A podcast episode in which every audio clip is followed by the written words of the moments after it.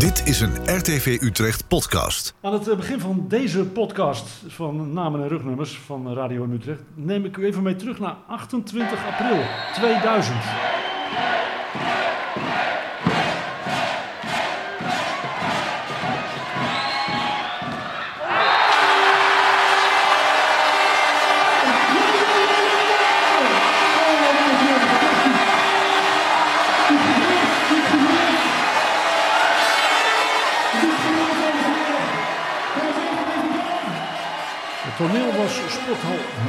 Merwestein in Nieuwegein. En wat je hier hoort is het eh, kampioenschap van de volleyballers van Vreevoort. Daar was een eh, lang verhaal aan vooraf gegaan. Daar zit ook nog een staartje aan.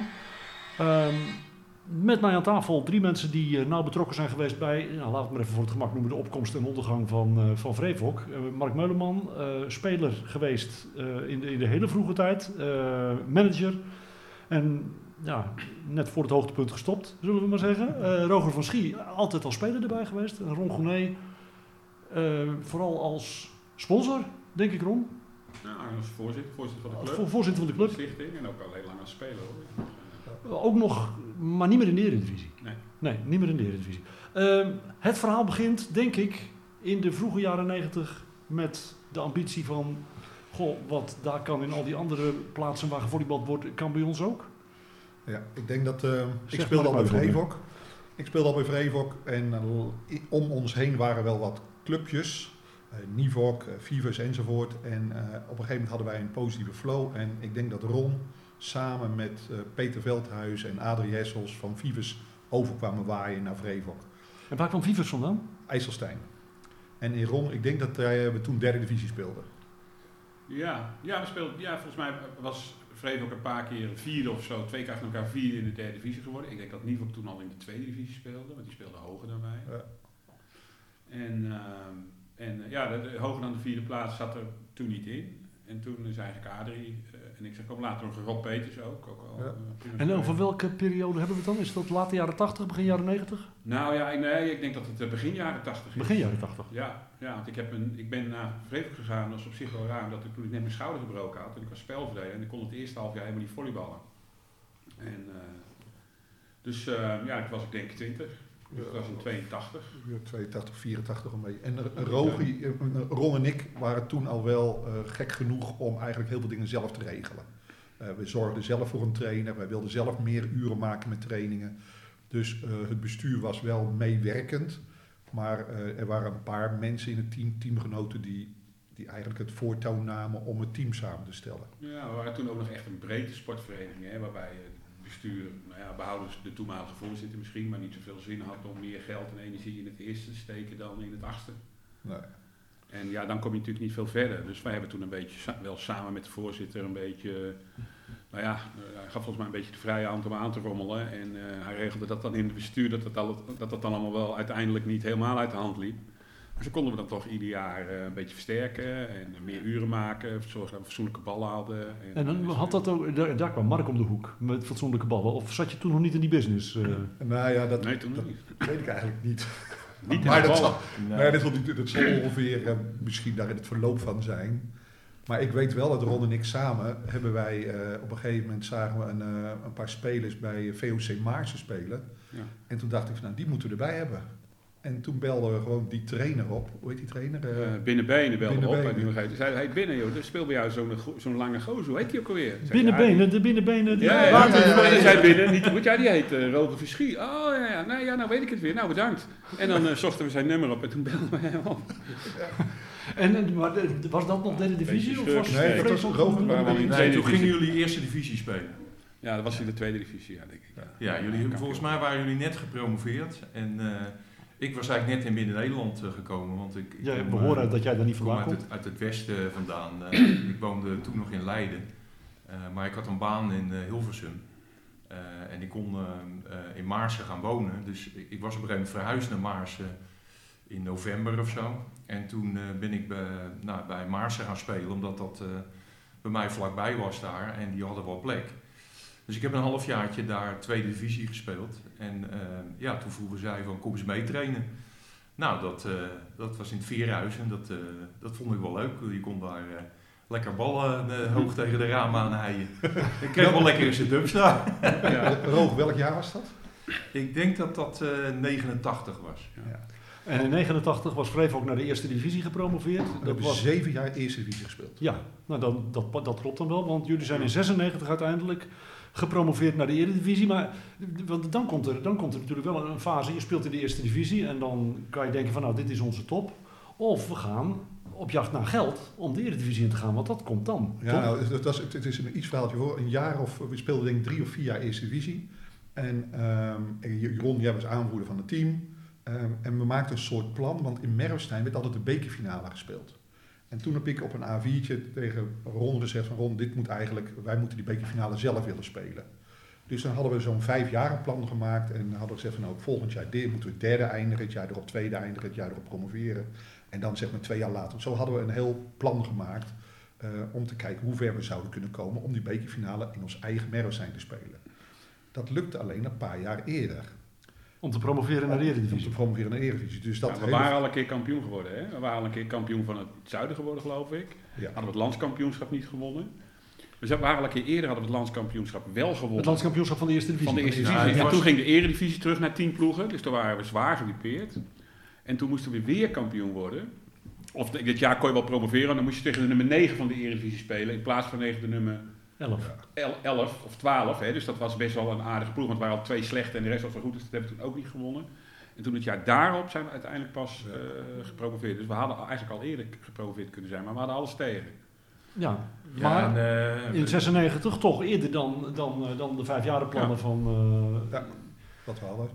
dat, dat er lag, kwam Vrevo in de eredivisie terecht. En ik herinner me toen het grote verhaal van de Amerikanen. Ja, nee, wacht, dat je, was bent- je het gaat iets te tweede, snel. tweede seizoen in de Ja. Eredivisie. Je, je, je gaat iets te snel, want eh, op een gegeven moment eh, zat ik in de soort sponsorcommissie en ik wilde trainingspakken regelen voor meisjes 1. En Clemens Rademakers die werkte bij Pieter van As, van As Advocaten. Bos, Veterman en van As Advocaten. Dus ik ging daar naartoe en ik zeg zo, meneer van As, eh, wil je niet daar meisjes 1 sponsoren? Hij zegt van, nou ja, ja, ja, ja. Maar ehm, hij zegt van, nou, ik ben begonnen in Vree, Nieuwegein, ik wilde wel iets voor terug doen. Heb je iets aan 10.000 gulden? Nou, dat was een enorm bedrag, want we dachten aan 400 gulden voor, voor 10 trainingspakken voor mij. Zo ging ik er naartoe. Dus ik ging eigenlijk, ehm, nou, ik dacht, nou, natuurlijk kunnen we wel mee. En toen speelden we eerste, nee, toen speelden we denk ik onze Eerste divisie. eerste divisie, Ja, eerste 16 divisie jaar. Want eh, binnen een paar weken hadden we dan zeg maar heel Heren 1 opnieuw eh, opgetuigd. Met kleding, trainingspakken, En rattenpan, toen werd het van als advocaat Vrevo. Van Assad Plus de namen. En toen was het eerste betaalde speler, was Erik Gras. Ja. De kwam- huidige coach van Taurus. Ja, Ja. en die kwam in ons zevende jaar in de eerste divisie, kwam die erbij. En toen zijn we gepromoveerd. Ja, de trainers betaalden natuurlijk al wel behoorlijk in die Tuurlijk, de hè. trainers werden betaald en we maakten ook wel... En we gebruikten heel veel want En we over wie hebben we het dan? Hebben we dan nog over Pieter Sager? Of eh, was, was Ja, Pieter we hebben ook nog, hoe heet het, in de eerste divisie gehad, weet je ook alweer. eh, eerst Pieter Sager, toen ging die weg, toen kregen we die... eh, Hans Verrooy hebben we gehad. Ja, maar Ja, dus nee, nee, met nee. Piet zijn we gepromoveerd. Ja, maar we hebben Piet gehad, toen is die weggegaan, toen is er een ander gekomen. Die- En, en, en, eh, die was ook een trainer op de universiteit, tennistrainer. Hoe heet ook alweer, uit eh Bunnen? eh, ja, dat zie je. Dat is eh, Johan. Johan, ja. Maar Johan Jo- was voor Johan Piet. Graven. Johan Nee. is voor Piet Wel, Piet kwam na Johan. Ja, Maar Piet Johan- is een keer teruggekomen, hè? Die is weg Dat geweest. Piet die- is... Volgens mij was Piet voor Johan, Nee, niet toen is voor hij weggegaan, Johan. toen is hij later weer teruggekomen. Hij kwam na Johan en toen Ah. is... Wie is er eh, dan tussen geweest? daarna is Hans Verrooy gekomen, twee jaar. En Ja? toen is misschien Ja. Piet teruggekomen. Kan En na Hans Verrooy is eh, Piet terug. Oké, nou dat Ja. zou kunnen. Ja. Dat zou heel goed kunnen. En eh, in die tussentijd kwam Dirk ook bij ons spelen. En op een gegeven moment heeft, eh, toen wij naar de eredivisie gingen, eh, toen ging Dirk coach. Ja, toen heeft Dirk de taken van zijn vader over. Ja. Ja. Ja. Ja. dat klopt, ja. Dat is wel ook een unieke situatie. Ja, ja Maar jullie kwamen dus eerder in de eredivisie dan in het vijfjarenplan stond. Ja. Soms zitten dingen mee. ja, ja, ik denk dat het bij elk kampioenschap moet je het, het, het- de, de, de teamsamenstelling, de concurrentie, eh, de, de, de, Nou, hoe dingen, lopen, dat moet allemaal bij elkaar wel een goede match zijn. Maar ja, het was natuurlijk ook al een paar keer, hè, dat zei Ron, het had ook al een paar keer tegengezeten. Ja, maar we hadden wel, een, denk ik, een, al heel snel hadden we een soort eh, beleid ontwikkeld. Van, oké, als je het eerste sterker wil maken, dan moeten de drie slechtste spelers eruit. En dan moeten drie betere voor terug. Want volleybal is een sport van het gemiddelde niveau. Ja. Met één goede speler word je van zo lang als het leven nooit kampioen. Het gaat altijd om het gemiddelde niveau. Dus ieder jaar zochten wij drie betere, ja. zochten wij drie betere spelers. Dan gingen de drie slechtere eruit. Maar wat we niet wilden als club, was dat die drie slechtere elke keer naar een andere club gingen. Ten eerste versterkten we daar toch de concurrentie mee. En we wilden, we wilden graag als club ook stabieler zijn. Hè? En hadden we het wel eens voor dat we natuurlijk in, in Nieuwegein zaten, in de buurt van Utrecht, veel studenten, eh, een grote regio waar wel een beetje binding was. En dat is eigenlijk heel goed gegaan. Want Dus- jullie tweede werd daardoor ook goed. het tweede werd ijzersterk, het derde werd ijzersterk. En we hebben jaren gehad dat we met afstand de hoogst spelende club in Nederland waren. Want we speelden het eerste eredivisie, het tweede eerste divisie, het derde tweede divisie, het vierde speelde de derde divisie. Het vijfde en het zesde zaten samen in de promotieklasse. Sloeg helemaal nergens op. Maar iedereen bleef. Ja. En dan was het ook leuk voor iemand om te komen. Want zou je na bijvoorbeeld twee jaar afvallen, ja, dan ging je niet in de tweede in de eerste klasse spelen, maar dan ging je één klassetje lager spelen. Nou, dat was nog wel te overzien. Ja. Dus ja, op een gegeven moment ja, stonden ze in de rij om bij ons te spelen. En als je net niet goed genoeg was, als je je aanmeldde bij Vrevo, nou, dan kwam je niet in het eerste, kwam je in het tweede. Maar je kon altijd op een goed niveau spelen. Ja. En ja, als we een keer een blessuretje hadden, zaten we ook niet zonder spelers natuurlijk. Nee. En doordat, dat moet ik wel zeggen, dat was he- mateloos irritant. Maar als je je inschrijft bij de Nevobo, dan heb je maar zes spelers nodig voor het eerste. Dus wat wij deden, wij speelden zes spelers in voor het eerste. En dan de volgende negen schreven we in voor het tweede. En zo deden we dat door. Dus als jij tegen ons tweede moest spelen, en- en de Eredivisie begon altijd een maand later dan de eerste divisie. Ja, Dus de eerste vier wedstrijden, het tweede, het derde, het vierde, die wonnen alles. Want die, had- die stonden met een halve Eredivisieploeg. Stonden ze, dat was natuurlijk heel vervelend voor allerlei andere teams. Maar ja, Ja, is een beetje het recht van de sterkste. het was de, maar, en, jullie, en jullie deden niks fout volgens de regels. Nee, en Jaap Duiker die organiseerde dat allemaal. En die was razend handig in, eh in roffelen met Die was regels. heel slim daarin. Dus die schoof overige spelers en iedereen won altijd. Maar jullie, eh, jullie bedoeling was, jullie wilden de Eredivisie in. Nou, dat gebeurde dan vroeger dan, eh, sneller, sneller dan je had gehoopt en snel- sneller dan je had gedacht. Maar eh, het idee was, we willen een bekerfinale spelen in Merwestein. Volgens mij is dat er nooit van gekomen. nee, Nee, dat klopt. Nee, dat klopt. dat, dat hadden we niet in de hand. Nee, de Nevobo heeft eigenlijk gewoon die hallen, op een gegeven moment, de, de, de neutrale hal Merwestein hebben ze op een andere manier georganiseerd, die bekerfinale. En ik, dat weet ik niet. Dat gebeurt nog Ja. steeds, eh, Ja. verandert dat om Het is de nu steeds jaar. nu toch ideaal Zwolle. Maar ik weet ook niet of wij ooit de ambitie hebben gehad om landskampioen te worden. We hadden gewoon Nee. ieder jaar de ambitie om het beter te doen dan dit jaar daarvoor. En ja, we waren eigenlijk ruksigloos in het invullen van wat er gedaan moest worden. We waren als eerste ploeg, stonden we enorm veel te trainen. Vier keer in de week, zaterdagochtend trainen. En dat was eigenlijk niet zozeer om van willen kampioen maar we moeten moet beter dan vorig jaar. Waren jullie de eerste, deed Dynamo, dat was toch toen in die tijd ook al de grootheid, deden die dat niet? Ja, dan een voetbaltrainer, hè. Eh, achteraf gezien. Nee, ik denk dat wij met Pieter Sager eh, toen, Hebben we stappen. Toen hebben, zijn we echt heel veel meer gaan trainen. En Ja, ik- want als wij- wij eh, met de eerste divisie, speelden in Zuid. En eh, Ja, eh, nou, er was best wel eentje rijden, maar dan gingen wij op zaterdagochtend eh, eerst even trainen. Dan gingen we eh, in de kantine een broodje eten met eh, soep van de moeder van Adrie Hessels. Ja. En dan stapten we in de auto en dan gingen we naar het zuiden, naar Brabant of Limburg. En dan eh, ja. gingen we eind van de middag een wedstrijd spelen. Ja. Dat hebben we de hele tijd zo gedaan. eh. Ja, we hebben jaren vier keer in de week drie uur getraind. Plus nog, en een tijdje ook nog op vrijdag. Nou, dat was echt heel erg zwaar. Toen hebben we die vrijdag eigenlijk ingeruild om op zaterdagochtend anderhalf uur te trainen. Want dan kon ook je warming-up korter zijn. Ja. En, eh, en we moesten ook altijd spelers ophalen. Hè, want er waren ook spelers uit Waspik, Waspik. en eh, uit de ergens de kop van Noord-Holland. En eh die waren meestal niet de alle, alle slimste spelers. Maar ze konden wel heel goed volleyballen. En ja, die werden dan gehaald en gebracht. Dus maar ja, dat deden we. Dat was dan ook van ja, nou, dat moeten we laten doen. Hij is heel goed, dus laat maar ophalen dan elke zaterdag. Ja, Ja, maar dat was, dat was Rutger. eh, Ja. Die, eh, die, werkte, die zijn vader die was slager. ja Rutger En die, zat hier op de slagersvakschool in Utrecht en daarom trainde die bij ons. Ja. Maar die moest op zaterdagochtend bij zijn oom eh, moest die koeien slachten en, en daar helpen. Dus die stond daar 's ochtends vroeg, was hij daar aan het werk. Ja, en dan, dan nou, haalde ik dan haalden we hem, eh, of we haalden hem dus op om naar Nieuwegein voor de thuiswedstrijd. Of we pikten hem op en dan reden we door naar de wedstrijd ergens in Brabant. Ja, maar, de- maar via Noord-Holland. Nee, nee, dat was iemand anders. Oh, hij Ja. Ja. Ehm, ehm, de Eredivisie, eerder dan, eerder dan gepland. En ik ging net iets te hard. Maar een van de eerste herinneringen, actieve herinneringen die ik heb aan, aan Vreevok is het... Behalve dan de promotie naar de Eredivisie, is die Amerikaan. ja. Ja, nee, maar dat was, Dat was, dat was dat jouw ding, Mark? Nee, Jij was manager toen. Nee, dat was het tweede jaar. We hadden eerst uh, Rini Boutens en Matthijs Dekker. Dat Ja. waren denk ik onze eerste twee eh, echte aankopen Na Erik Ja. Gras. naar Erik Gras. Ja. En eh, in het eerste jaar, volgens mij, in het eerste jaar Eredivisie hadden we één Amerikaan. Die kwam toen Nee, die jongen kon niet spelen toen. Die speel, dat was die spelverdeler, hoe heet die ook weer? Die hadden we te laat overschreven. Eh, Een, een tien minuten of zo. Ja, we hebben eens een Amerikaan eh, op, eh, gehad, even voor een paar weken of zo, maar volgens mij was dat helemaal niks. Ja, dat- Ja, ja, dat heb ik nog gehad, ja. Nee, hadden toen zijn spelverdeler, toch? eh, En uiteindelijk is hij in België gaan spelen. Maar goed, uiteindelijk, het was gewoon zo, die Amerikanen die studeerden daar. En dan kwam er gewoon die andere manager. En die zei... Waar, waar, waar stu- die, die studeerde in Nederland? Of, eh, Nee, nee, nee. Dat waren gewoon jongens die in Amerika studeerden. Die, die, die speelden daar college volleybal. En dan was dat dan een manager. Ja. En die, die zei gewoon, ja, die was gewoon in Europa, zei die van nou, ik heb zes spelers. En dat kost dan eh, zoveel. Maar die Kelly heette die. die Ja, ja, ja, ja, ja. En eh, die Kelly kwam toen bij ons, ergens na ons, het einde van ons Tim, eerste jaar Eredivisie. Tim Kelly? Tim Kelly. Ja, Tim Kelly heette Tim die, Kelly. ja. ja. En ik weet wel dat hij bij ons kwam en die stelde toen allemaal eisen. Was in het veerhuis hadden we dat overlegd. Stelde allemaal eisen. Hij zegt, ik wil die Amerikanen, ga ik hier dan stallen. En dan wil ik wel dat in elk huis moest er een, eh, een, eh, een vrieskist komen met die ijsblokjes. Want ze moesten altijd eh, gaan koelen na de training. Dus wij keken, nou, ik weet niet of we wel voor elke huis een, een vrieskist moesten hebben. Maar die jongens wilden zoveel uren trainen. En Dirk de Sager is eigenlijk niet zo zitten als trainer. Nee. Sander Rieuws en Dirk de Sager waren te trainen, dat, dat Sager helemaal niet zo zitten. Dus wij moesten er wel voor ons poot stijf houden. Of ja, Ja, en eigenlijk wilde die, eh, die Kelly wilde ook trainer Die worden. wilde ook trainer worden. Ja. En die was een van de, een van de zes spelers toen. Ja, maar hij was ook de, de manager van dat stu- stuk, zeg maar. Ja, hij had die een, een soort organisatie, dat heette Bring It USA.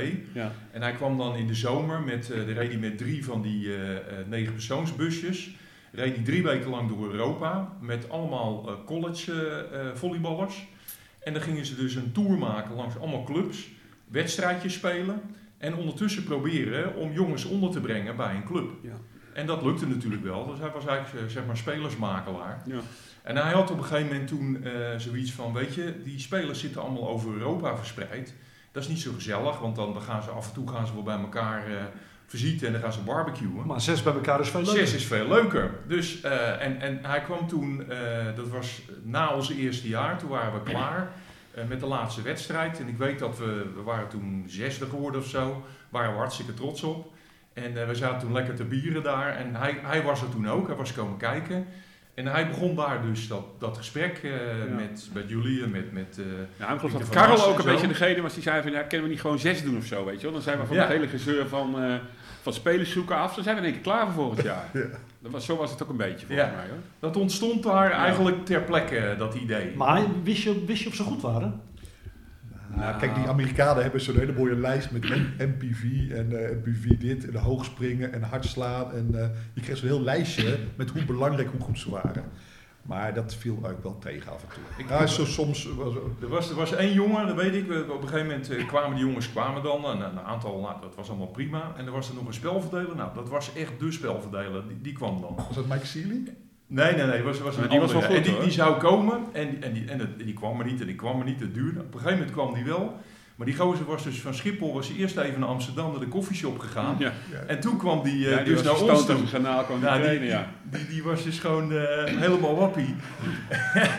en die werd dus ook gewoon eh, eh, door, door, door, door Tim Kelly zelf meteen teruggestuurd. Ja. Die, eh, die accepteerde dat niet. Ja, dat is En die liet toen weer uiteindelijk een ander komen.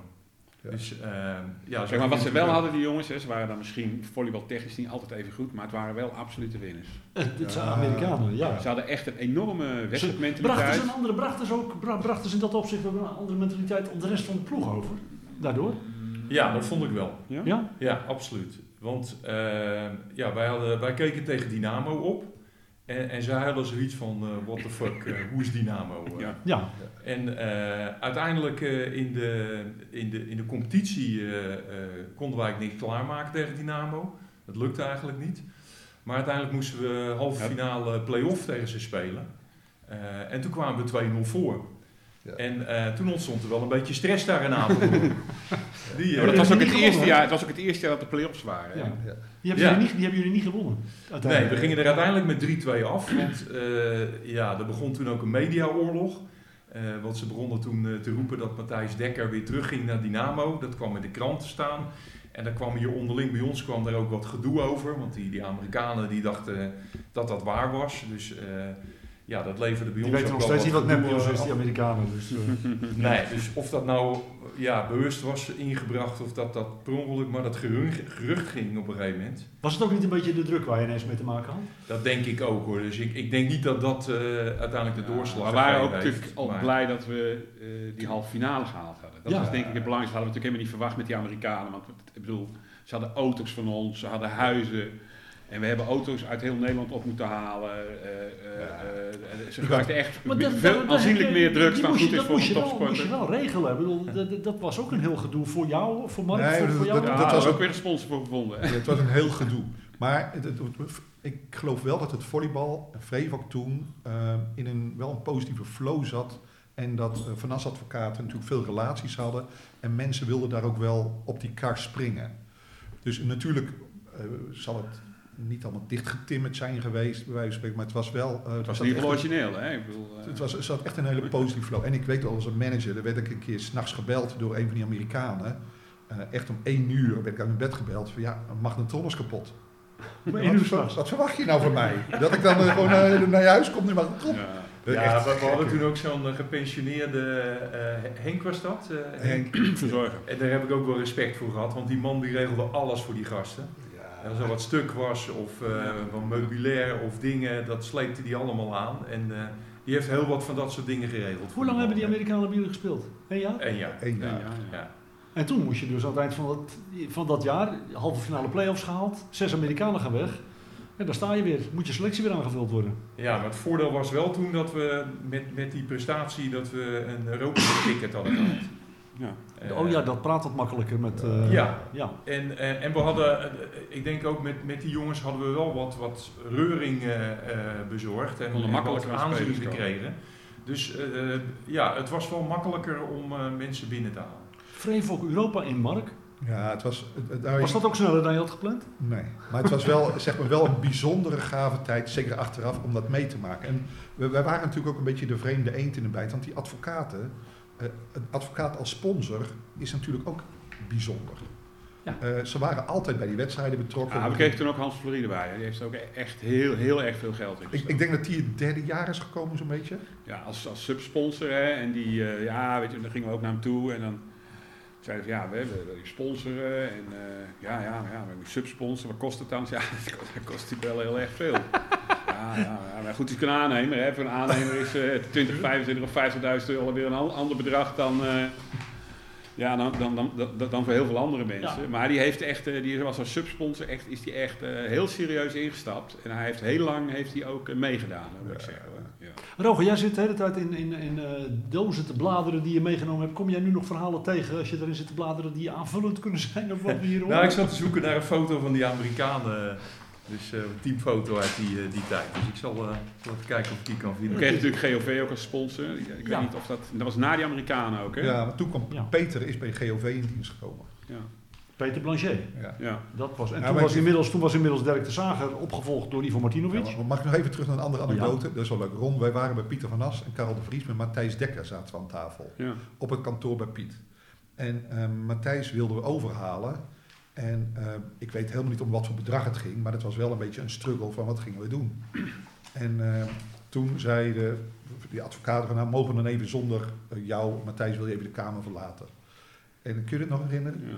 En op een gegeven moment zegt, eh, zegt Karel, van, nou, die was dat een beetje zat, een van de advocaten, en die zegt, laat mij dat maar regelen. Dus we zaten bij Matthijs Dekker, zaten, en Piet, oh nee, Matthijs was natuurlijk weg, en met Piet en Ron en ik zaten, ja, ja. en Ron en ik zaten nog eigenlijk aan die tafel in die kamer.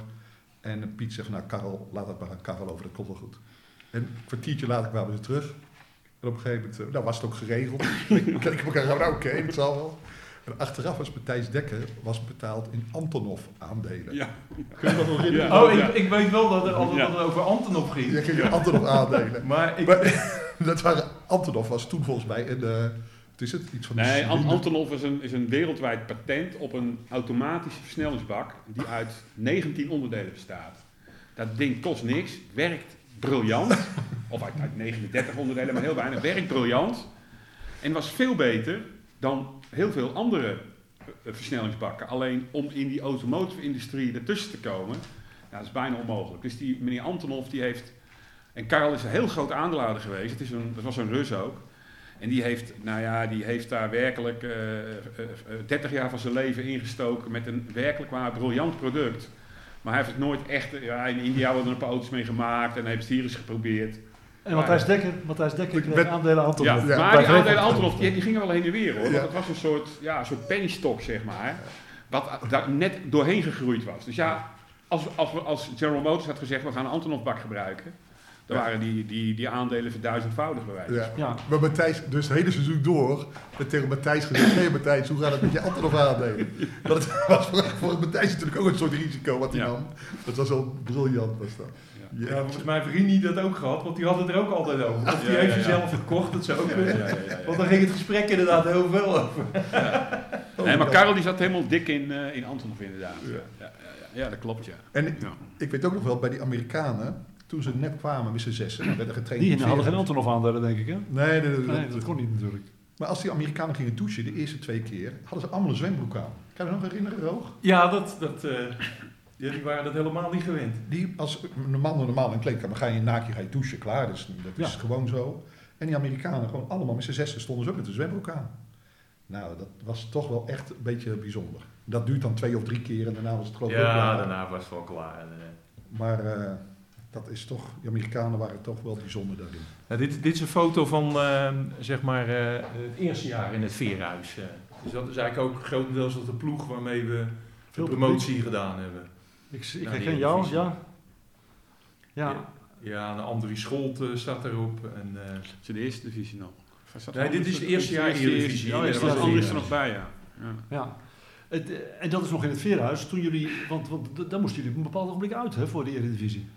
Ik denk dat er twee jaar eerder twee jaar daar gespeeld. Ja, Ja, die Amerikanen hebben er ook nog gespeeld. ja met de Amerikanen was dat ook. Ja, het voldeed eigenlijk niet helemaal aan de eisen natuurlijk. En wij wilden natuurlijk ook meer publiek. Hè. We hebben natuurlijk Ja. enorm veel moeite gedaan om meer mensen naar het volleybal te krijgen. Wat echt ja, ontzettend eh, moeilijk was. En ook wel frustrerend achteraf gezien. Hè. Dat je zoveel moeite doet en dat het eigenlijk... En zoveel presteert. Ja, Ja. Ja. En het veerhuis kon natuurlijk maar een paar honderd man. Eh, het plafond was te laag, het licht was te, te slecht. De- als er televisie kwam, dan stond die, die stellage die stond bijna in het veld. Ja. Ja, de horeca was ook niet ehm, ja, heel flexibel. Hè? Ik bedoel, je moest echt, echt heel goed het voorbereiden, want anders stonden ze met gemak met anderhalve man. eh. Ja, En, en, en, wij verdienden natuurlijk niks aan. Hè? We, we kwamen uit, het, eh, uit de sluis, waar we een eigen kantine hadden. We Ja. gingen daar, en, we konden daar ook niet goede afspraken over maken. Dat kon in Merwenstein kon dat beter. ja, en Merwenstein, daar kon je 800 man kwijt. Nee, Meer? eh, 1500 denk ik. eh, 1500? ja, 1200 man op de gewone tribunes. Ja, en de met kop op kon zijn nog. kanten. Kon daar, Met de eh, kampioenswedstrijd. was het Ja, volgens gehoord hebben, 2000 was man. toen Was zo het 2000 vol. man? Ja. Ja. Ja. We hebben die tribunes daar neergezet. Ja. Dat was, eh, Maar daar was het, dan zijn we alweer een aantal jaren verder. Want eh, ik kwam net even op het punt. Hè. Eh, Ron zegt het. GOV kwam. Blanchet kwam. Eh, ik herinner me het eerste jaar van Blanchet. Toen ben ik al als journalist meegeweest naar Europese wedstrijden. Malaga, Roger? Ja, Malaga is er geweest. Ja, dat was de tweede eh, keer. Was dat de eh, tweede? Dat Was- was, was mijn eh, Europees debuut, zeg maar. Athene. De eerste, eerste keer was, de allereerste keer was Ankara. Nee, ja, dat was inderdaad Ankara, maar de, daarvoor speelden wij thuis een eigen toernooi. Ja. die- En dat was ook wel briljant, want eh, eh, wij speelden dan eh, een, een, een vierkamp. Dus daar kwamen drie ploegen op visite. Ja, En we hadden toen een, een ploeg uit Luxemburg, Ja. wat gewoon eigenlijk een, een, eh, hele matige ploeg was. Ja. En daar kwamen... CSKA een, Moskou. eh, CSKA Moskou en eh, eentje uit Wis- Wit-Rusland volgens mij, of Oekraïne. Tsjechië of zo? Iets, iets Frans. Ik. Nee, het was ergens die kant op. eh. Nee, die Fransen... Maar dat eh, waren uh. Venetia of zo heette die. eh. Maar dat waren wel twee serieuze ploegen. Ja. En, eh, maar als thuisspelend eh, een organiserend team mag je dus de volgorde van spelen bepalen. Dus wij eh, speelden als eerste tegen Luxemburg. En eh, toen speelden we met, met het B-team. eh, en wonnen fluitend. En die andere twee teams moesten tegen elkaar. En die hadden gelijk een zware pot. En dat konden we eens rustig bekijken. En die dachten van, oh, nou, dat, dat, dat kennen we wel aan. want Die hadden natuurlijk ook zitten kijken. Ja, ja. Maar ja, toen, toen gingen we daarna volgens mij tegen dat, dat Wit-Russische team. En eh, eh, nou, toen stond natuurlijk ineens de A-ploeg eh, erin. En die wedstrijd wonnen we. En toen was er dus nog één wedstrijd. Dat was dan En moest je, de, moest je de pool winnen om door te gaan? Ja, je moest de eerste winnen. twee ook Oké. winnen. En nou, die hebben we ook gewonnen. Dus toen waren we winnaar van dat toernooi. Wat best Ja. knap is als je ja, voor de eerste keer Europa Cup gaat spelen. En een Russische tegenstander Ja. betreft, ja. Dus, en toen in, in de ronde daarna was het dus uit en thuis tegen Ankara. Uit en thuis tegen Ankara. En dat verloren jullie. Ja, daar gingen Ja. we hard af. Ja, ja. Ja. daar hadden we Maar wanneer spelen we? Hebben we toch ook in Athene, in Athene gespeeld? Dat was het Champions Nee, League. dat was een jaar eh, later. Oh, dat was het jaar Ja, dat is nog maar veel dit was nog, het was, de het jaar daarna. Ja. Nee, het jaar daarna zijn we naar eh, Malaga geweest. Toen was je, maar toen was je eh, landskampioen. Toen was je al landskampioen geworden. Of niet? Nee, nee, Malaga was nog niet. Eh, Eh, nee, dat was geen was wel in, in dat jaar, eh, denk ja, ik. was in het jaar dat je landskampioen werd. Maar dat was ook in de, in de, in de, in de Europa League. Ja, maar pas nadat we landskampioen geworden zijn, mochten we Champions Ja, League natuurlijk. Ja, ja. je moet hier Ja. landskampioen worden. En dat was, dat was Athene, Tour en Treviso. Ja, Ja. correct. Ja. Ja. Ja, uit en thuis spelen. Ja. Ja, maar in dat poeltje, poeltje Malaga, dat weet ik inderdaad ook nog.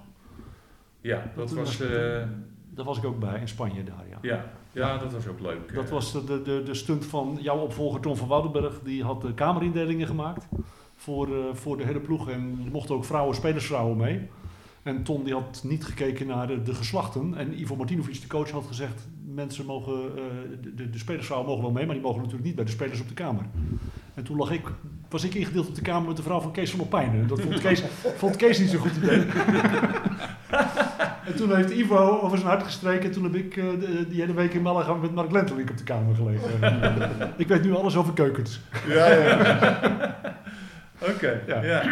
Ja. dat klopt. ja. Maar daar was Blanchet inderdaad ook al bij, Ja, dat jaar. Ja, en dat was het jaar dat jullie kampioen werden. Dat was jullie vierde jaar in de Eredivisie, als ik het wel heb dan. ja, dat denk ik, ja. En de tweede keer dat je de play-offs haalde? Of de derde keer al? Maar ik denk dat... Nou ja, ik, ik denk dat... eh, de, de eerste keer was dat we, dat we de play-offs hadden... Was, dat de halve finale was met die Amerikanen. was het Het tweede, tweede jaar. jaar. Ja, Dus dat jaar erop hebben we dat denk ik weer gehaald. En ik denk dat we het jaar daarop Landskampioen. landskampioen zijn geworden. Ja, En dat was het, wel het eerste jaar dat eh, Blanchet erbij was. ja. Maar die zou eigenlijk het jaar ervoor al komen, hè? Toen was eigenlijk alles rond. ja toen En- waren de gesprekken waren er inderdaad. En toen hadden we, had ik, en toen ha- hadden we gesprek gehad, was eigenlijk al, we hadden alles geregeld. En toen, eh, toen belde die, eh, nou ik was eigenlijk op de terugweg naar huis. Het was maar drie jaar na Atlanta, hè? Dat hij dan Ja. toch al gewoon bij Vrevel kwam Ja, spelen. maar zijn vrouw was helemaal klaar met Italië. Ja. Die wilde er al 100% weg. En hij speelde er al, ook tijdens, bij Atlanta speelde hij er al, hè. En eh, ik kende zijn manager van, van vroeger, omdat ik, ben ik heb heel lang volleybaltraining gegeven en, eh, bij een club in, eh Weesp. in Weesp. En daar was hij ja, De manager van Blanchet, En ja. daar was hij, daar was hij eh, soort leider geworden van het eerste wat, wat ik toen trainde. En waar hij, hij, hij deed aan voetballen.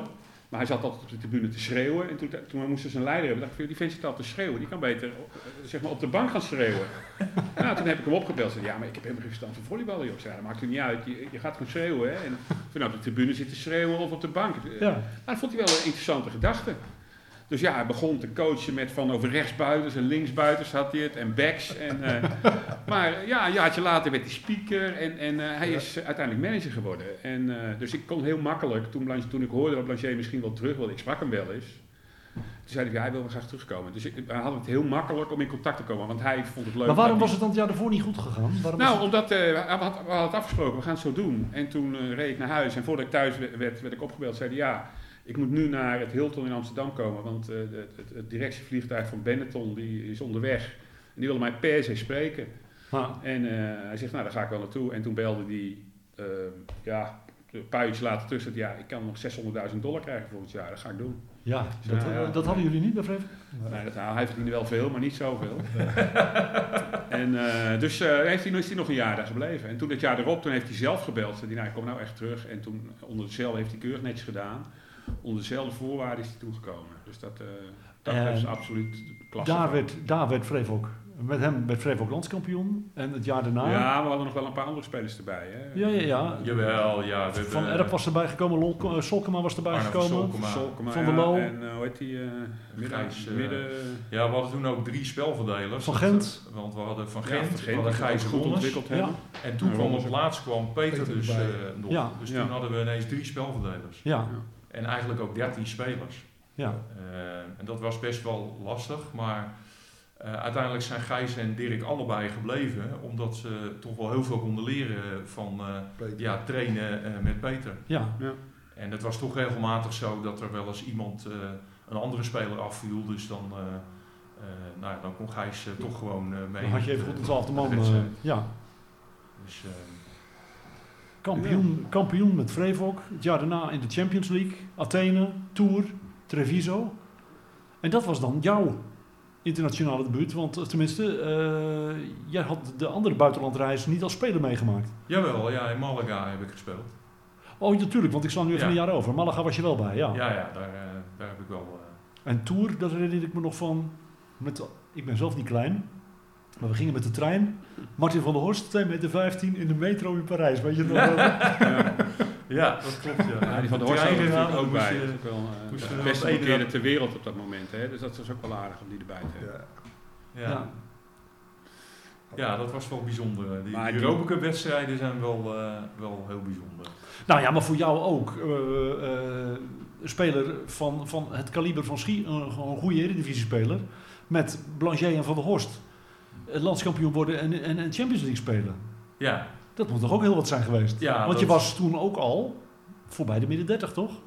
eh, al lang. Ik, ging, eh, ik ben op mijn 35ste eh Eredivisie gaan spelen. en op mijn 39ste werd ik landskampioen. Dat bedoel ik maar. Ja. Ja. Dus eh, nee, dat is natuurlijk eh, eh, een hele vreemde eh, carrière. Maar ja, wel een, jongensdroom om natuurlijk gewoon eh, mee te maken. Wat, wat, wat, keek je, daar, daar keek je tegenop? Ja, of had je daar niet zoveel last van? Nou, op, op zich niet, want de jongens deden heel normaal. En eh, dus in het begin, eh, ik, ik weet nog wel dat Peter bij ons op de training kwam, dat we kennis met hem maakten. En dan staat iedereen natuurlijk wel te kijken van, eh, ja, dat- is, eh, dat is Peter Blanchet. Ja, het is Maar- toch of Cruijff bij FC Utrecht komt voetballen, toch? Of niet? Ja, zoiets. En, en dan ga je met hem trainen en eh, ja, dan na, na verloop van tijd heb je zoiets van, nou weet je, het is gewoon eh, Ja. leuk en, eh, en, eh, ja, hij, hij doet, doet gewoon eh, normaal en eh, ja, je kan gewoon, eh, het is gewoon heel leuk om, eh, om daarmee te spelen dan. Nee, maar Peter Blanchet is een absolute professional. Als hij zegt van ik ga willen spelen, dan gaat hij voor duizend procent spelen en dan werkt hij overal aan mee. Ja. En hij is een beetje eigenwijs, hè, dus je kan wel eens een, een meningsverschilletje met hem hebben. Maar als daarover geroeld wordt, dan accepteert hij dat ook weer. Ja. Dus het is, het is echt wel, ja, die kan je er gewoon prima bij hebben. Daarom heeft hij denk ik ook zo ver geschopt. Hè. En daarom, eh, ja. En, Ja, en met hem in dat team, en nou ja, wat je net zei, met één goede speler win je geen wedstrijden. Je moet eh, eh, het gemiddelde Nee. maakt. Het gemiddelde maakt. Maar hij trok het gemiddelde natuurlijk omhoog. En ja, zo Van der Horst natuurlijk ook wel een speler. Die, Ja. ja. Waar is het na 2002 misgegaan? Nou, je kon het gewoon niet betalen. Kijk, je, bijvoorbeeld, ja, we hebben het over Champions League. Hè. Ik zal je een mooi voorbeeld geven. Wij moesten Champions League spelen. De eerste thuiswedstrijd was inderdaad tegen Tour. En ehm, de, de eisen van de CV zijn dan dat je minimaal drie camera's moet hebben. eh, eh, om alle hoeken te kunnen filmen. En er zijn worden eisen gesteld aan de, aan de belettering enzovoort, enzovoort. Je moet bebording hebben. Nou, ehm, dus, en, hè, dus eh, de NOS die, die, die filmde dat, dus ik belde de NOS op. Ik zeg van jongen luister, je moet drie camera's hebben. En dan zei dat kan, en dat kost 18.000 euro. Dan komen wij met drie camera's. Ik zei nou ja, weet je, kunnen we dat niet regelen? Ja, nee, ik kan het wel doen, maar kost 18.000 euro. Nou, dan kregen we nog de reclame en de boarding, dus die wedstrijd kostte ons 25.000 euro. We hadden toen de ING eh, als subsponsor. En eh, dus ik dacht, nou ja, we moeten ook kijken dat we er ergens vandaan halen. Dus ik de ING gebeld, joh, kan ING International, wil die nou, nou niet sponsoren, weet je? Dan zetten we overal, nee, ING stond al op de vloer, geloof ik. En dan zetten we, als overal staat ING op, dat is toch prima om dat te doen. Nou, dan kreeg je een mailtje terug dat eh, de internationale marketing had besloten dat ze dat niet deden. En eh, ja, dat viel buiten de scope en dat was niet interessant. Dus wij moesten uit ons budget, wat eigenlijk al op was, moesten we 25.000 euro betalen om die wedstrijd. Anders kwam, kregen we een boete van de CV van 25.000 Zwitserse Ja. frank. Dus dat schoot ook niet echt op. Dan kan je beter spelen voor het geld. je te spelen. En dan komt Tour eraan. En Tour die heeft heel groot op zijn borst staan. ING eh, direct. Dus ING die wilde er geen euro aan betalen. Nee. Is op, op, voor onze 25.000 euro 10 minuten in beeld geweest. En hebben er helemaal niks aan gedaan. En zo, zo ging dat. Van En, en, dat gold, en dat gold dus later ook weer voor de wedstrijden tegen Treviso en, Ja. eh, en Athene. Ja, dus, dus die, en, en met reizen, hè, dus we moesten natuurlijk de, uit, de uitwedstrijd, nou ja, dan heb je dan geen televisieproblemen, maar ja, je moet er naartoe met het vliegtuig. Met de trein, want dat, dat was ook De een- trein financiële dus- kwestie. Want en- ik weet dat en- de, de, de, de, de masseur uh, Natour, die, die is met die massagetafel in de auto gestapt. Ja. Of was hij ook mee in de trein? Die Nee, nee, nee, want eh, die was machinist en die, ja, die wilde niet meer met de trein. Die, eh, die Kijk, had en- daar en- eh, wat problemen mee. En, en wat je, het probleem is natuurlijk ook dat het was heel moeilijk om sponsors te vinden. Kijk, één grote sponsor gaat nog. Maar als je er 1 miljoen euro in moet steken als grote sponsor, haal je dat er met de media exposure die je hebt nooit uit. Hè. Wij mochten bijvoorbeeld niet GOV Vrevo heten. Je mag wel eh, zeg maar zes uur lang per dag, Op drie weken lang een Rabobank op, in beeld hebben. Noemt iedereen het Rabo. Ja, bij ja. officiële naam van de, van de volleybalvereniging was GOV Vrevo. Dat moet je namelijk aanvragen van tevoren voor twee jaar. En de NOS weigerde gewoon om dat GOV erbij te zetten. Ja, dat vonden ze reclame maken. Maar dat kon, reclame kon namelijk alleen voor het, eh, voor het wielrennen. Want dan, Ja. Dan zaten ze allemaal vier weken in Frankrijk. Daar dus heette, die ploegen, die hebben gewoon die, Ja. die sponsornaam. Jullie Dus- hebben nog een dus de- verenigingsnaam. Dus de enige oplossing die je dan hebt is veel kleine sponsors. Wat ze bijvoorbeeld in Apeldoorn hebben ze gewoon 150 sponsors van tussen de 1 en 5, 6, 10, 50.000 euro en één grote sponsor. Ja. Maar in Nieuwegein, en wij hebben echt heel veel bedrijven eh, eh, proberen daarvoor te interesseren. Het probleem van Nieuwegein is een beetje, het was natuurlijk eh, 20 jaar geleden of 25 jaar geleden, dat heel veel bedrijven weliswaar gevestigd waren in Nieuwegein, maar er helemaal geen band mee hadden. Nee. Roots hadden. Ja, die En, hebben eh, toevallig een stukje grond gekocht. En wat jij zegt, ja. de- de- de- de- Piet van Os Advocaten die had dat weer wel en die wilde wat terug doen voor Nieuwegein. Maar Ja. heel veel van bedrijven hebben die, die hadden die natuurlijk wel niet. behoorlijk met z'n Ja. Kijk, eh, Maar, waar, waar ook denk ik ook een beetje de crux zit, is dat je als je aan het seizoen begint, dat begin je in september. En ehm, dan, eh, dan wordt die bal eindelijk geslagen, dan heb je alles zeg maar, een soort van rond. Maar eh, je wil verder, je wil eh, vooruit gaan kijken. Dus ehm, naarmate je het goed doet, wil je in januari, februari ga je praten met spelers voor Ja. het seizoen erop. Maar dan, heb je, dan kun je eigenlijk nog niet je budget dichttimmeren voor het seizoen erop. Omdat je nog bezig bent met je lopende seizoen. Je bent pas net vier maanden aan de gang. Dus eigenlijk ga je al geld uitgeven, terwijl je dat nog met Maar de je gaat sponsoren niet verplichtingen aan die je nog moet dekken. Dus je loopt constant achter de feiten aan. En En, en dat gebeurt zes jaar achter elkaar. Want je zes jaar promoveer je, gaat steeds, je, je eindigt het hoger, je gaat Europa in enzovoort. Dus de ambities blijven onverminderd hoog. Maar eh, je, je bent continu aan het rennen om dat zeg maar eh, financieel ook dicht te timmeren. Nou, en dat is op een gegeven moment niet meer gelukt. En toen wij naar de Eredivisie gingen, hadden we geluk. Want toen werd er net een. eh, toen ging het eh, voetballen ging weg naar. Eh, Talpa zal wel iets van... ja, hoe heet het? Ja, Sport Sport 7. 7. Sport Ja, zeven dat zijn. klopt. Ja, Want we en, zijn toen, toen, en eh, toen, eh, toen ging de NOS hals over kop. Naar, eh, hè, hadden ze opeens zoveel ruimte over, gingen ze naar al die kleine sporten toe. En toen. eh, toen dus wij kwamen in de Eredivisie en we gingen naar de eerste vergadering en dan kregen we 90.000 euro eh, televisiegeld. Dus nou, Ja. dat ging best goed. Ja, we zijn toen ook... Dat was een van de eh, betere vergaderingen waar ik geweest ben, moet ik zeggen. Maar we zijn, volgens mij was dat Sport 7 of zo, we zijn toen een aantal keren ook gewoon live op tv geweest. Ja, Ja. ja, Dus, eh, Maar goed, uiteindelijk is dat allemaal weer gestopt. ja. En tegen die tijd dat wij eigenlijk zeiden van ja, als wij, als wij de top van Nederland mee willen en we willen Europees ook een beetje meedoen, ja, dan heb je, gewoon, eh, dan heb je eigenlijk gewoon eh, een paar miljoen nodig. Hè? Anderhalf miljoen tussen de 1 en 2, als je het een beetje slim doet. Ja, dat, dat, dat is gewoon niet in Nieuwegein bij elkaar te krijgen. Dat is, dat is absoluut onmogelijk. En dan is er nog een puntje, dat ehm, hoe betaal je de spelers? Hè? In België is het zo, en daar zijn we best vaak geweest, dan is dan begin van het seizoen is er een gesprek met de fiscus. Dan zegt de fiscus van, goh, wat is jouw budget? En dan zegt hij van, ja, weet ik veel, eh, 800.000 euro. Ik zeg, Nou, dan, eh, dan, en ik denk eigenlijk, eh, wat wil je daar, hè? hoeveel belasting eh, eh, zit je aan te denken? En dan zegt die, die, die club, zegt van, nou ja, we zaten te denken aan 50.000. Zei hij, nee, want het is 20% het is 160.000. En dan gingen ze eten en aan het eind van de rit werd het 80.000 euro en dan was het klaar. Maar wij in Nederland... Komt daar bij de Nederlandse fiscus hoef je daar niet mee te nee, komen. je- nee. ik moet zeggen, de, de Belastingdienst Utrecht die hadden een speciale inspecteur voor sport, sportinspecteur, wat een zeer redelijke man was. En daar kon je gewoon wel mee praten, maar ze waren als de dood dat er ook maar een precedent geschapen werd. Ja. Dus je moest gewoon mensen in loondienst nemen, je moest loonbelasting betalen, je moest alle vormen van belasting betalen. En dat schept bijvoorbeeld met een land als België of Duitsland Zoveel ongelijkheid. en enorm veel ongelijkheid. Dus alles, wat winnen. dus alles wat je ook aan spelers aantrekt, dat gaat ook allemaal wat echt goed is. gaat allemaal naar het buitenland. Dus je bent gewoon totaal kansloos. Was het pijnlijk om, om, om op een bepaald ogenblik de stekker eruit te trekken? Of was het iets wat er al Ja. zo lang aankwam dat je... Dat je Nou, Nee, er waren, ik denk we kunnen twee niet meer anders. Twee pijnlijke momenten. Ik was toen geen manager meer, maar eh, het was het jaar na het kampioenschap. En dat weten Ron en Roog denk ik het beter. Was dat er halverwege het seizoen werd duidelijk, konden niet alle salaris meer betaald worden. Ja. En dat was in het jaar dat we wel de beker wonnen. Dan gingen we nog steeds zo voor de top eh, drie of vier stonden we. Maar toen was er al gemor in het team, omdat er dingen gewoon niet meer nagekomen konden worden. Ja. En dat is ook je eer na eigenlijk, denk ik. Ja, dat is Nou ja, uiteindelijk is het betaald, maar de, de, de club, de stichting, die had onvoldoende geld om dat te betalen. Ja. Dus uiteindelijk moest het door anderen betaald worden Is de stichting toen failliet gegaan of is dat later aan geweest? het eind van het seizoen. Ja. De- je, je wint de beker en, en de stichting gaat failliet. Dat was het eh Ja. min of meer de volgorde. Ja, ik Maar weet hij was zelf eh, aangevraagd, hè? We hebben Jawel, jawel, jawel. Maar ik bedoel, leuk is anders. Ik weet dat er een aantal spelers eh, eh, ook even gestopt zijn. Die hebben een week eh, of twee weken niet getraind en gezegd van ik kom niet. eh, totdat er betaald wordt. Nou, op een gegeven moment is dat weer geregeld en toen zijn we weer gaan trainen.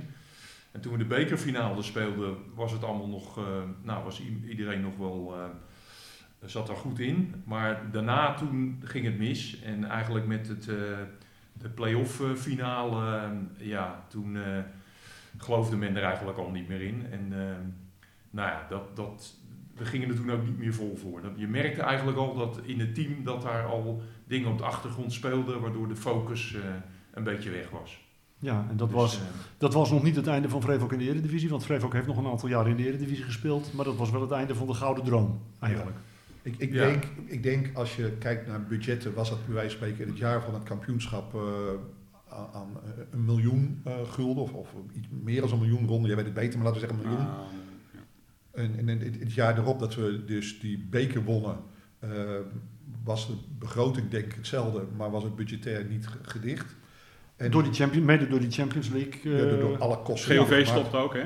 ja. GOV stopte ermee. Stopte ook vrij plotseling, want die werden overgenomen namelijk. Oh ja, door andere, die gingen gewoon die naam. eh, Want GOV was een relatief kleine verzekeraar waar je contact had met de directie. En toen ze overgenomen werden, zijn ze meteen gestopt. Dat was een van de voorwaarden voor de overname, dat dat contract ook beëindigd werd. Dus dat kwam ook niet lekker uit. nee. Ze hebben ze nog wel hun verplichting zijn ze nagekomen, overigens heel moeizaam, moet ik wel zeggen. En ehm, ehm, met de nieuwe eigenaar eigenlijk, hè, die Ja. had daar heel weinig zin in. En die zijn, toen zijn ze ook, eh, ja, ook resoluut gestopt. En dat was ook een beetje verrassend, omdat toen ze nog zelfstandig waren, ja, hadden ze er eigenlijk wel, eh, hadden ze er wel zin in. Ja. Hè? Dus dat, dat viel ook. En daardoor waren we ook eigenlijk slecht voorbereid om een nieuwe sponsor eh, te vinden. Nou, Hans Flory heeft daar wel zijn uiterste best gedaan om, eh, ja, om dat gat te vullen. Maar goed, we is natuurlijk geen grote verzekeraar. Nee, het is uiteindelijk? En uite- uiteindelijk is het eh, langzaam weggegleden totdat jullie in 2006, geloof ik, hè, geen team meer op de been konden brengen en je uit de Eredivisie hebt teruggetrokken. Mm, Ja, nee, dat weet ik geen eens, want dat is ook niet meer mijn Nee, ding. ik weet- in 2001 eh, zijn we hier gaan zitten eh, en eh, we hebben gezegd van, eh, verdorie, we laten het nou niet eh, op zijn gat gaan. Dus toen, toen hebben we Ivo gebeld en die wilde uiteindelijk wel terugkomen. Die is spelers in het buitenland gaan regelen en nou ja, we hebben het team uiteindelijk weer op de been weten te brengen. Ik en denk we dat, zijn toen eh, uiteindelijk wel doorgegaan dus. Ja, ja. Hè, want er was ook nog sprake van eh, dat we de licentie terug zouden geven. Ja. Nou, Uit- dat, uiteindelijk, eh, ja, wat, wat er gebeurt is dat de Nevobo, dat de stichting, die trekt zich terug, maar die trekt zich alleen maar terug als organisator, dan wel financier Ja. van dat team. maar de vereniging houdt de De licentie. vereniging houdt de licentie. Ja. Nou, we hebben toen inderdaad bij elkaar gezeten en heb ik, heb ik gezegd van nou, we gaan een nieuwe stichting oproepen, eh, oprichten. Daar ben ik even een paar jaar voorzitter van geweest. En eh, ik denk dat toen het budget op 160.000 euro was. Ik, ik noem maar wat Dus dat is, eh, Maar dat is een, een derde van, eh, van, de tijd, van de toptijd in de Een Eredivisie. kwart of een vijfde. Ja. En eh, daarmee zijn die zes Joegoslaven gekomen, Ivo gebleven, of gekomen, gebleven denk ik. ja, die is gebleven. Gebleven, En, ja. een jaar. eh, En dat was eh, ook een bijzonder jaar, want zes Joegoslaven, dat is één Turk Alpenslan en vijf Joegoslaven. En eh, dat is natuurlijk ook een vreemde, vreemd iets. En die komen dan je team versterken. Was dat En- nog een team, Roger? Jawel, het was wel moeilijk eh, met, met, met eh, al die eh, verschillende talen en eh, de- soms ging de halve training in het Joegoslavisch. Eh, maar eh, ja, uiteindelijk eh, klikte het wel. eh. en, eh, het, eh, ja, het, het was wel lastiger dan de jaren daarvoor. Ja. Maar het was even, eh, eh, om, om, om, te gaan resumeren, het was een, een, een tijd die eh, met een prachtige aanloop, met prachtige hoogtepunten, het landskampioenschap en, en de beker winnen. En daarna dan dat, dat wegkappelen, maar toch, ik kan me zo voorstellen voor jullie alle drie een tijd die je graag nog een keer over zou willen doen. Die, Nou, je, ik- ik die je niet had willen missen. Die Nou, niet ik, ik moet zeggen, voor mij persoonlijk was de tijd eigenlijk de laatste, de topjaren in de eerste divisie, dat waren met afstand de leukste jaren. Omdat je nauwelijks organisatie hebt. Ehm, eh, we speelden in een klein zaaltje. Het was, al- het was iedere zaterdag gingen ze in het, eh, in het wandrek. Het zat, zat ram en ram vol. Die kon je alles permitteren. En ehm, Het was nog een beetje ja, vrij. naar mijn idee was ook de, het, het ik, ik kan niet helemaal beoordelen van de, van de top van hè, de jaren van het landschap. Hadden we, ook, hadden we professionele spelers, maar we hebben natuurlijk ook wel jaren gehad toen we naar de Eredivisie gingen dat we spelers kregen die ja, wel het idee hadden dat ze een topper waren, maar Niet waar. dat niet helemaal waren, maar wel de eisen hadden van een topper. En dan is het wel heel erg. eh, kijk, Roger, ja, Roger kwam gewoon volleyballen. En die heeft gewoon 25 jaar lang ballen tegen staan houden en erin staan hakken. Ja, weet je, daar heb je geen last van. Maar we hebben ook spelers gehad die zeiden van ja, het zijn mijn veters alweer kapot van mijn schoenen. Hoe gaan we dat doen? Weet je wel, op donderdagavond om kwart over elf. Ja, ja. weet je, dat, maar- ja, we- dat, dat- dat- en, en, en businessclub aan de gang houden, weet je wel, dat, dat zijn allemaal dingen. Ja, wij, de mooiste momenten waren gewoon dat Piet van Ans op een houten stoeltje, wat net niet in elkaar donderde, zeg maar de man of the match eh, bekend ging maken. Ja, dat, dat, dat was dat echt was met afstand de, de leukste tijd, weet je wel. Ook voor jou, Roger, ter- terwijl je Ja, daarna dat- ook nog met dat- gespeeld hebt. Ja, wij, wij speelden toen in de sluis. En eh, nou ja, dat, dat, dat is natuurlijk een klein eh, zaaltje. En met een, een, een, een dubbele deur uit de kantine. eh, en ja, daar stond onze vaste aanhang. En die werden van achteren gevoed met bier. Wat eh, gewoon direct, eh, dat, dat bleef maar Ja. doorlopen. En de, de walm van de, van de friet, zeg maar, die kwam daar ook onderdoor. En op een gegeven moment stond er dan boven in de hal stond er gewoon eh, een laagje rook, zeg ja, maar. Ja. Eh, en daar speelden wij dan onze wedstrijden. Ja, en dan werden we En, kampioen in de eerste divisie. Weet. We wonnen alles, of wel heel veel in ieder geval. Met een beetje, En als we ja. dan eh, eh, gespeeld hadden, gedoucht hadden, dan gingen we naar de kantine. En als we dan goed gespeeld hadden, dan stonden al die gasten, die supporters, stonden bij de deur. En die stonden dan eh, zeg maar tegenover elkaar. En dan werd er een soort ereboog gemaakt. En dan mochten we onderdoor. Maar als we verloren hadden, dan stonden ze echt met hun rug naar, eh, naar ons toe. En dan, eh, dan was het echt moeilijk om daar door te komen. Want dan kreeg je opmerkingen naar je hoofd. Dat waren allemaal jongens die, die zondag bij FC Utrecht zaten. Ja, ja, ja, ja, ja. Echt gouden gasten en die stonden echt eh, als één man achter ons. En ja, de- we hebben bijvoorbeeld, eh, we hadden toen, eh, Vught was toen eh, een van de grote concurrenten, waar veel eh, jonge talenten VVC. speelden. Ja. Ja, bijvoorbeeld, En, hoe heet eh, die broertjes? Ja, daar speelden wel eens eh, eh, potjes eh, en dan gingen we met een bus eh, met supporters dan naartoe. En eh, ja, dan, dan maakten we een hoop kabaal daar. Ben jij nog betrokken in het volleybal, eh, Ro- Roger? Ja, ik speel nog steeds. Bij NVC, de opvolger Bij van NVC van dan, eh, ja, de fusieclub. ja. Dus ik speel nu eh, promotieklasse. Eh, ik geef nog training aan het damesteam. Eh, en ja, binnen, we hebben een beetje een, een mixteam van eh, oud en jong. Eh, dus we hebben drie eh, spelers van... Van 18, 52 jaar. en een stuk een paar van 37. Ja, we hebben één, eh, één gek van in de 50 en wat 40ers en wat 30ers. Maar het is een leuke combi van oud en jong. En waarin we zeg maar, onze ervaring eh, ja, kunnen delen met, eh, met de jongere garde. Het is nog geen walking volleybal. Nee, zeker niet. Nee, we- nee wij, wij Het is- doen ja, promotie. in de promotieklasse mee. Boven de promotieklasse. En Ja. eh, wij, eh, ja, we gaan voor de prestatie, maar we eh, wisselen sociaal. Eh, dus die jongere gasten die spelen allemaal, dat weten ze ook. Eh, eh, en alleen als er iemand echt staat te kranten, dan wordt hij eruit gehaald. Maar iedereen krijgt gewoon zijn kans en in principe zijn speeltijd. En eh, ja, we kijken wel als het eh, kritisch wordt de stand en we kunnen een slimme wissel doen, dan doen we dat wel. We willen natuurlijk wel graag winnen. Eh, maar voor de rest is het eh, ja, toch proberen ook de jeugd een beetje eh, mee te trekken. Mark, wat doe jij nog in het volleybal? Ik mag nog trainen geven aan een, eh, met veel plezier aan dames 2 van Utrecht, tweede divisie. Meiden zijn echt de toppers. Dames Eh, 1 is eh, ambitieus, die willen naar de eredivisie. En dames 2 moet volgen. Dus Ja. we gaan ook voor de top 2 volgend jaar eh, promoveren. Naar de, Naar de eerste divisie. naar de eerste divisie. En Ron, Ja. wat doe jij nog in het volleybal? Helemaal niks. Mis je het? Maar, maar ik ben nog wel eens... Nou, eigenlijk de, de eerste jaar ging ik nog wel eens enkele keer kijken, maar eh, nee, helemaal niet. Nee. Vreefok is een herinnering en een mooie en daar blijft het bij. Ja, het is een goede herinnering. En eh, ik, eh, ik, ik, ik heb zoons, ik heb drie zoons die voetballen. En sinds mijn vrouw overleden is, sinds Jacqueline overleden is, heb ik een andere relatie. En die heeft ook twee kinderen. Dat meisje volleybalt. En daar heb ik nog een paar keer gecoacht. En dan ben ik nog wel eens naar het Nederlands team met haar geweest. En, maar eh, nee, nou ja, de ene kant is het jammer. Aan de andere kant, ja, weet je, ik heb allemaal kinderen die druk zijn met eh, sporten. En, eh, dus nee, ik golf. Ik mis het eigenlijk helemaal niet. Nee. Ik eh, mis het zo nu dan wel, zeker als ik op zo'n avond eh, met jullie bij Ja. elkaar zit. Eh, waarvoor dank. Ja. Leuk, Nou, Bedankt voor je Ik vond het een mooie uitzending zo. hartstikke goed. Leuk.